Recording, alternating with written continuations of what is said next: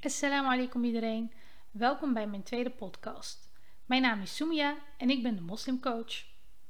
Voordat ik wil beginnen met mijn tweede podcast, wil ik jullie zo erg bedanken voor alle liefde die ik heb gekregen nadat ik mijn eerste podcast had geüpload. Echt niet normaal. De hoeveelheid berichten die ik heb gekregen van zoveel moeders, zoveel vrouwen die zich hierin terug konden vinden. Dus echt super bedankt daarvoor. Het onderwerp van mijn tweede podcast is weer perfectionisme. Want zoals jullie waarschijnlijk op mijn pagina hebben kunnen zien, heb ik volgende week, volgende week maandag en volgende week woensdag geef ik een workshop over perfectionisme. Hoe kom je daar nou vanaf? En hoe kun je je band met Allah subhanahu wa ta'ala versterken door je ihsan te versterken? Daar gaat mijn workshop over. En um, nadat ik dus mijn eerste podcast had geüpload, kreeg ik heel veel vragen van vrouwen vooral. Die dan zeiden van, hè, ben ik nou een perfectionist? Want ze konden zich heel goed vinden in alles wat ik vertelde. Alleen hebben ze dat nooit gekoppeld aan perfectionisme.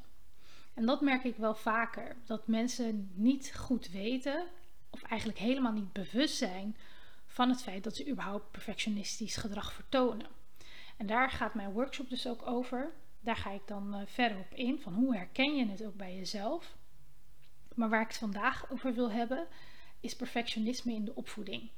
Want ik heb heel veel berichten gekregen, ook van moeders, die dan ook bang waren om perfectionisme door te geven aan hun kind. Onderzoekers hebben hier onderzoek naar verricht. En wat hebben ze gevonden? Nou, ze hebben gevonden dat moeders die perfectionistisch gedrag vertonen, dat die vaker een controlling opvoedstijl hebben.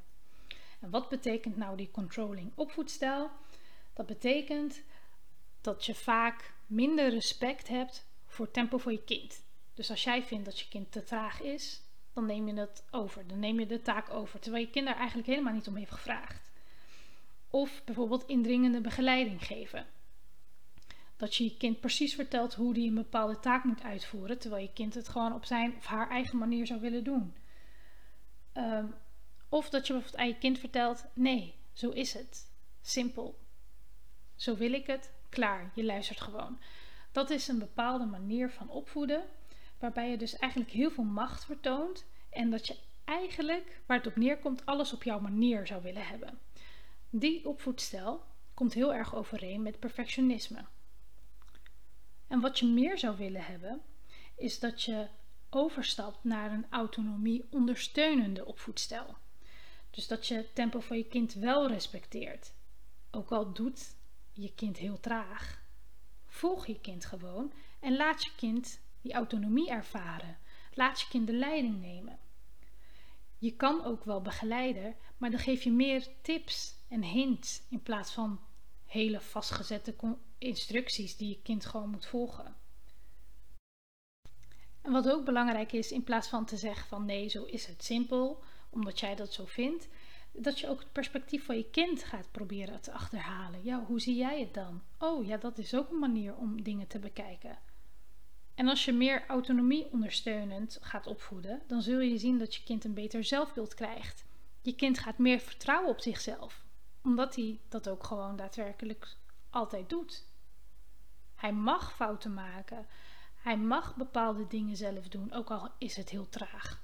Hij mag dingen op zijn eigen manier doen, ook al is dat niet op jouw manier. Uiteindelijk wil je als moeder het beste voor je kind.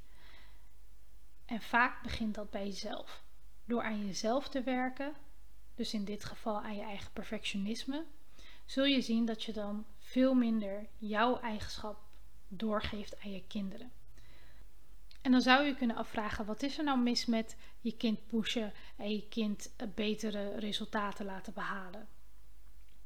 En wat daar eigenlijk mis mee is, is dat je je kind te veel laat focussen op het resultaat, waardoor je kind uiteindelijk ook perfectionistisch wordt. En wat zijn nou de nadelen van perfectionistische ouders hebben? Je ziet bij kinderen dat ze vaak een negatief zelfbeeld hebben. Want uiteindelijk, kinderen zien hun ouders als hun grote voorbeeld. De ouders weten alles en die stellen natuurlijk bepaalde eisen. Maar als jouw kind nooit aan bepaalde eisen kan voldoen omdat jij hoge eisen aan je kind stelt, dan denkt dat kind, ja, er zal vast wel iets mis met mij zijn. En dat veroorzaakt een negatief en heel erg laag zelfbeeld. Nou, wat je ook vaak ziet is dat kinderen please gedrag gaan vertonen.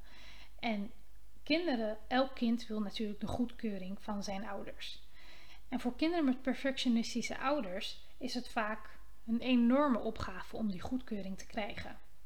Dus gaan kinderen hun ouders pleasen om toch te krijgen wat ze nodig hebben. En dat please gedrag, dat is dus wat ze onbewust doorzetten in hun verdere leven. Ze zijn onzeker en ze willen graag goedkeuring, dus dan hebben ze geleerd, oh dan moet ik mensen pleasen. Dat hebben ze geleerd met hun ouders te doen, dus doen ze dat ook met andere mensen die ze tegenkomen. Wat ook een enorm nadeel is, is dat kinderen met perfectionistische ouders hebben geleerd aan hoge maatstaven te moeten voldoen. En ze hebben ook geleerd om die voor zichzelf te stellen, waardoor ze voor zichzelf altijd dat gevoel zullen hebben dat ze niet goed genoeg zijn. Dus eigenlijk wat je dan doet als perfectionistisch ouder, en dat doe je onbewust, want geen enkele ouder wil dat natuurlijk meegeven aan zijn kind. Wat je dan doet, dus onbewust, is dat je je eigen perfectionisme als het ware doorgeeft aan je kind.